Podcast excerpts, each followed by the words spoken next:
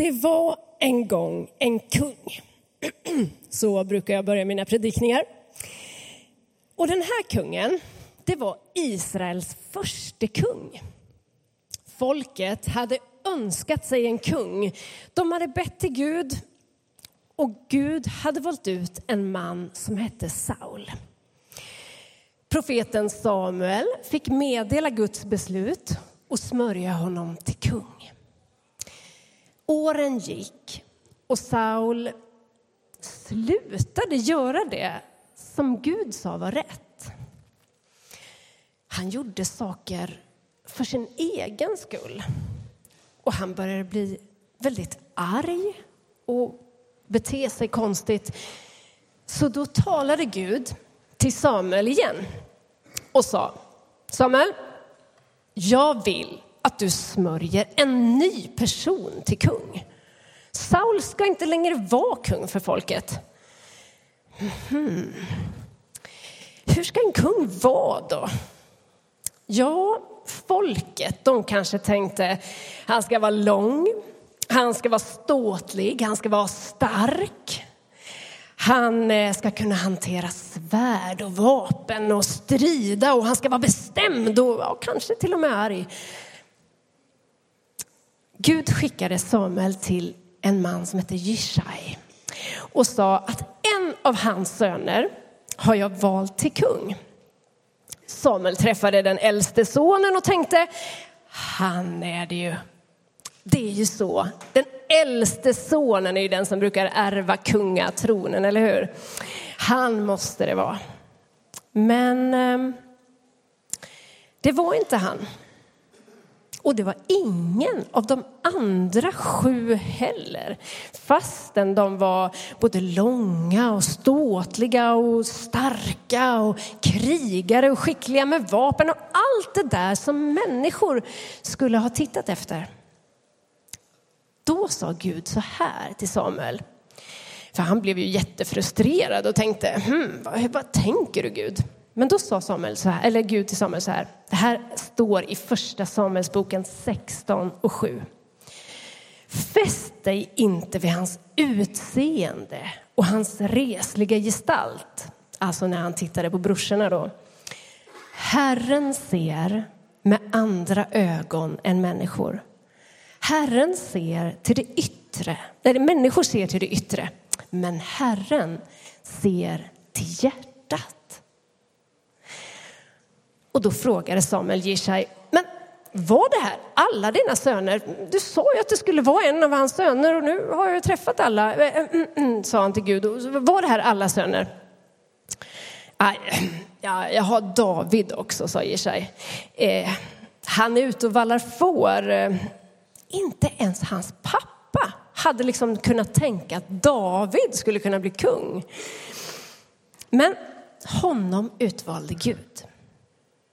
Han var inte äldst, han var yngst. Han hade inget sådär eh, riktigt flådigt jobb precis, utan han var fåraherde och det var inte någon bra status att vara herde. Han kunde inte hantera vapen och kriga på vanligt sätt. Men han sjöng lovsång till Gud när han var ute på markerna. Och han litade på Guds hjälp när björn och lejon hotade hans får. Och hans hjärta var vänt mot Gud. Och han räknade med Gud mitt i livet och var beroende av Guds hjälp varje dag. Han blir en bra kung. Men hörni, den här skannen då, med människors kravlista är det inte alltid så lätt att platsa. Eh, hon pratar för högt eh, eller han pratar inte alls. Hon har eh, lite parfym som luktar för starkt. Han har ingen parfym alls. Hon har så konstig frisyr. Ja, ni vet, man kan tycka massa saker om folk, eller hur? Men Guds krav då? Vi såg ett kors, eller hur? Men om vi vänder på den där kravlistan så är faktiskt Guds krav väldigt höga. De flesta av oss har hört talas om tio Guds bud. Det var ju regler som Gud gav till folket som man skulle följa för att man skulle veta lite hur man skulle leva. Och en del är ju ganska lätt att följa. Du ska inte döda till exempel. Det är ganska lätt faktiskt att följa det och inte döda någon. Du ska inte stjäla. Mm. klarar vi oftast av. Va? Eh, men du ska inte ha begär. Alltså, du ska inte ens vara avundsjuk på någon som har något annat som du vill ha. Den är lite svårare. Eller eh, du ska inte ljuga. Det händer kanske att vi alla gör det någon gång, även om vi liksom inte vill eller hade tänkt så. Ibland blir det så. Till och med pastorn kanske. Om den här skannern skulle vara programmerad efter tio Guds bud så skulle ingen av oss kunna gå in här. Den skulle larma. Så är det. Men den enda som skulle kunna gå genom den här skannen är Jesus. Då skulle faktiskt inget larm gå. Människorna de hade ju dömt Jesus. De dömde till och med Jesus till döden på ett kors, eller hur? De tyckte att han hade gjort en massa saker som inte passade i deras samhälle, i deras system, i deras lagar.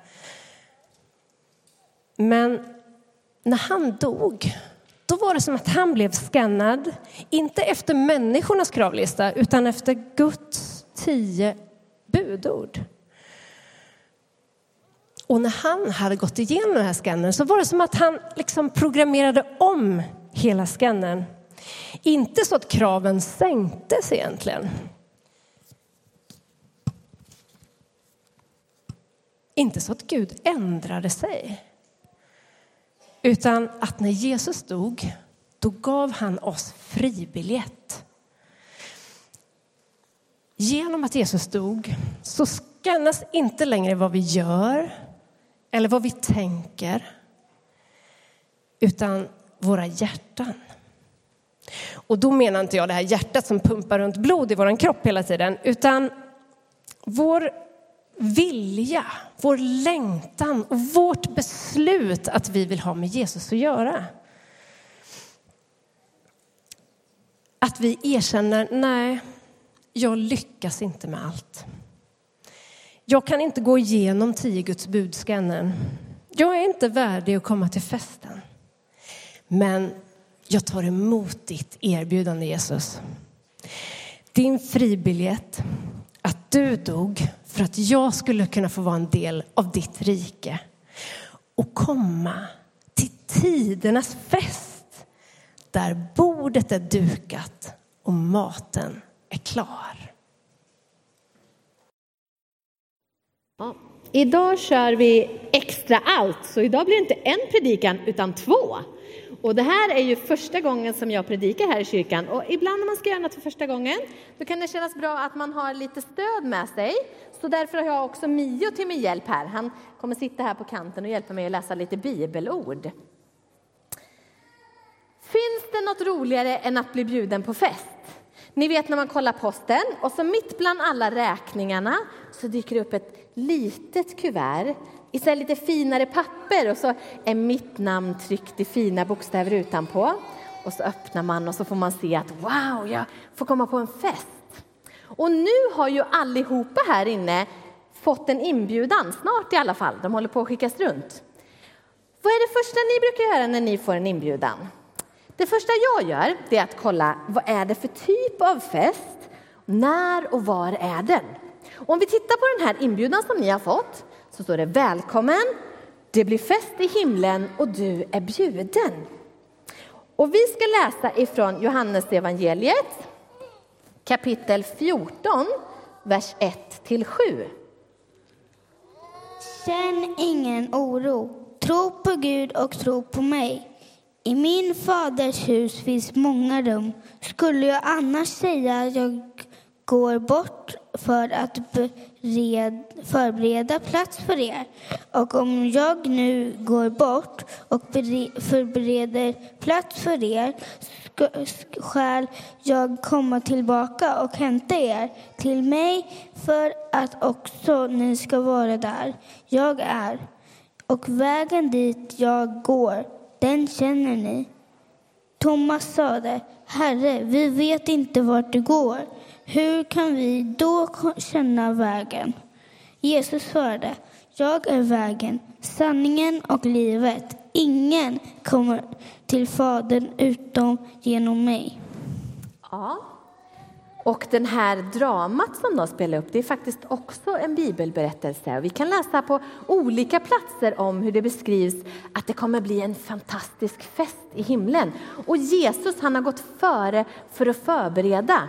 Och för att du och jag skulle kunna få våra inbjudningar så dog Jesus på korset och gav oss den där fribiljetten som Evelin pratade om för att vi ska kunna gå igenom skannen. Och sen när han hade gjort det så gick han för, före och precis som det stod förberedde plats för oss. Precis som till de flesta fester så behöver man ju svara om man kommer eller inte. Och om vi tittar på den här inbjudan så står det längst ner OSA. Är det någon som vet vad OSA betyder? Jag hör mummel lite sådär, om svar anhålles. Det betyder att man önskar att någon ska svara. va? Och då står det så här, osa till Jesus snarast. Ja, hur ska vi då kunna svara ja till den här festen som är i himlen? Jo, det gör vi genom att vi tackar ja till att Jesus är våran frälsare och räddare. Vi kan läsa i Romarbrevet 10, 9-10. Ty om du med din mun bekänner att Jesus är Herre och ditt hjärta tror att Gud har uppväckt honom från de döda skall du bli räddad. Hjärtats tro leder till jättfärdighet och munnens bekännelse till räddning. Mm, så är det. Om vi bekänner att Jesus är Herre, då ska vi räddas. Och det betyder att vi får komma på festen i himlen. Den sista delen på den här inbjudan, den ska vi stanna lite längre vid idag. Och den finns inte alltid med, men ibland gör den det. Och idag gör den det. Och där står det så här. Du får bjuda med dig vem du vill till festen. Alla är bjudna. Ibland sådär, i alla fall i amerikanska filmer och så, så kan det stå plus one i inbjudningarna. Det har vi inte riktigt i Sverige tror jag. Men här är det inte bara så att du får plus one, utan hur många som helst. Alla är välkomna. Vi ska läsa ifrån Matteusevangeliet, 28, 18-20. Då gick Jesus fram till dem och talade till dem. Åt mig har getts all makt i himlen och på jorden. Gå därför ut och gör alla folk till lärjungar. Döp dem i Faderns, Sonens och den helige Andens namn och lär dem att hålla alla de bud jag har gett er. Och jag är med er alla dagar till tidens slut. Hur skulle du känna om du fick en inbjudan till Nobelfesten och så står det att du får ta med dig någon extra? Eller om du i present får två konsertbiljetter? Vem skulle du ta med dig? Och hur skulle du fråga den personen? Det skulle ju såklart vara jättekul för den som blir medbjuden, eller hur? Man skulle ju inte känna så här bara, mm, jag vet inte om jag vågar fråga den här personen, den kanske inte vill gå. Det är klart den vill gå! Eller hur? Det här är en toppengrej! Men varför är det så svårt för oss då att bjuda med till Jesus? För jag tror att det är många, precis som jag, som ibland känner att det kan vara ganska svårt. Ja, ibland kanske det är så att vi känner att vi är lite tvungna att bjuda med folk till Jesus. Och generellt sett så tänker jag att det är så att när man måste göra någonting, då vill man inte, eller hur? Man måste städa, inte så kul. De där grejerna som känns som måste blir inte kul. Men så är det egentligen inte med det här. Vi måste ju inte, vi får. Det är ett fantastiskt erbjudande. Inte minst för den som blir bjuden. Ja, och så kan det ibland vara så att man kanske inte vågar riktigt för man känner att folk kommer tycka att man är lite konstig. Och vi kanske, eller vi kanske inte vågar bjuda in för vi är inte säkra på om det är tillräckligt bra det ska jag säga först. Mm. Eh, jag kanske inte har någon spännande berättelse om helande eller om ekonomiska under i mitt liv. Vad ska jag säga? Liksom. Men i själva verket så handlar det ju inte om oss. Det handlar ju om honom, vem han är och vad han har gjort. Och vi behöver aldrig vara rädda för att det inte är tillräckligt bra eller att det inte räcker till. Åt mig har getts all makt i himmelen och på jorden. Jesus är alltid tillräckligt bra och han har all makt och en dag kommer det att manifesteras överallt och inför alla. och så var det där med att känna sig lite konstig och sådär. Ibland kan man ju känna att man liksom, åh, det är ingen annan som riktigt tror på det här och nu kommer de tro att jag är konstig och sånt. Och det pratar faktiskt Paulus om i Andra Korintierbrevet. Han säger ungefär så här att den som inte lär känna Jesus kommer aldrig förstå den där grejen med att Jesus dog för att vi skulle bli räddade. Han säger till och med att de som inte, de som inte tror på det de kommer tycka att det är dårskap. Det står att de kommer tycka att vi är konstiga. Och någonstans så måste nog det vara okej. Okay. För Guds rike är en tvärtomvärld det är liksom helt upp och nervänt. Den första ska bli den sista, den minste ska bli den största. Ingenting är riktigt rättvänt som det är i den här världen, i Guds värld.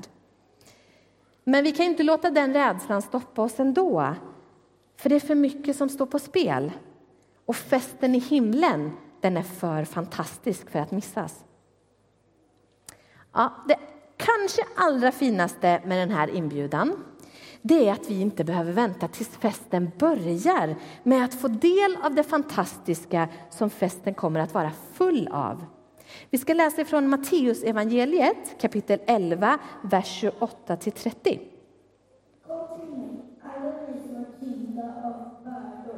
Jag ska skänka er vila. Ta på mitt ok och lär mig som har ett milt och ödmjukt hjärta så ska ni finna vila för er själ. Mitt ok är skonsamt och mina börda är lätt.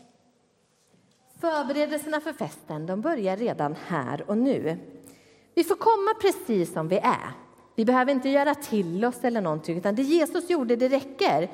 Men precis som den som ska gå på Nobelfesten eller på en konsert väljer kläder för att det ska passa sammanhanget, så får vi också lära oss av Jesus. Och för många så växer en längtan på insidan om att vi vill börja likna honom. Vi börjar liksom formas efter Jesus och de värderingar och normer som är rådande i Guds rike. För Gud, han ser inte på utsidan, han ser till våra hjärtan. Kläderna är inte viktiga, men vår längtan till honom är helt avgörande.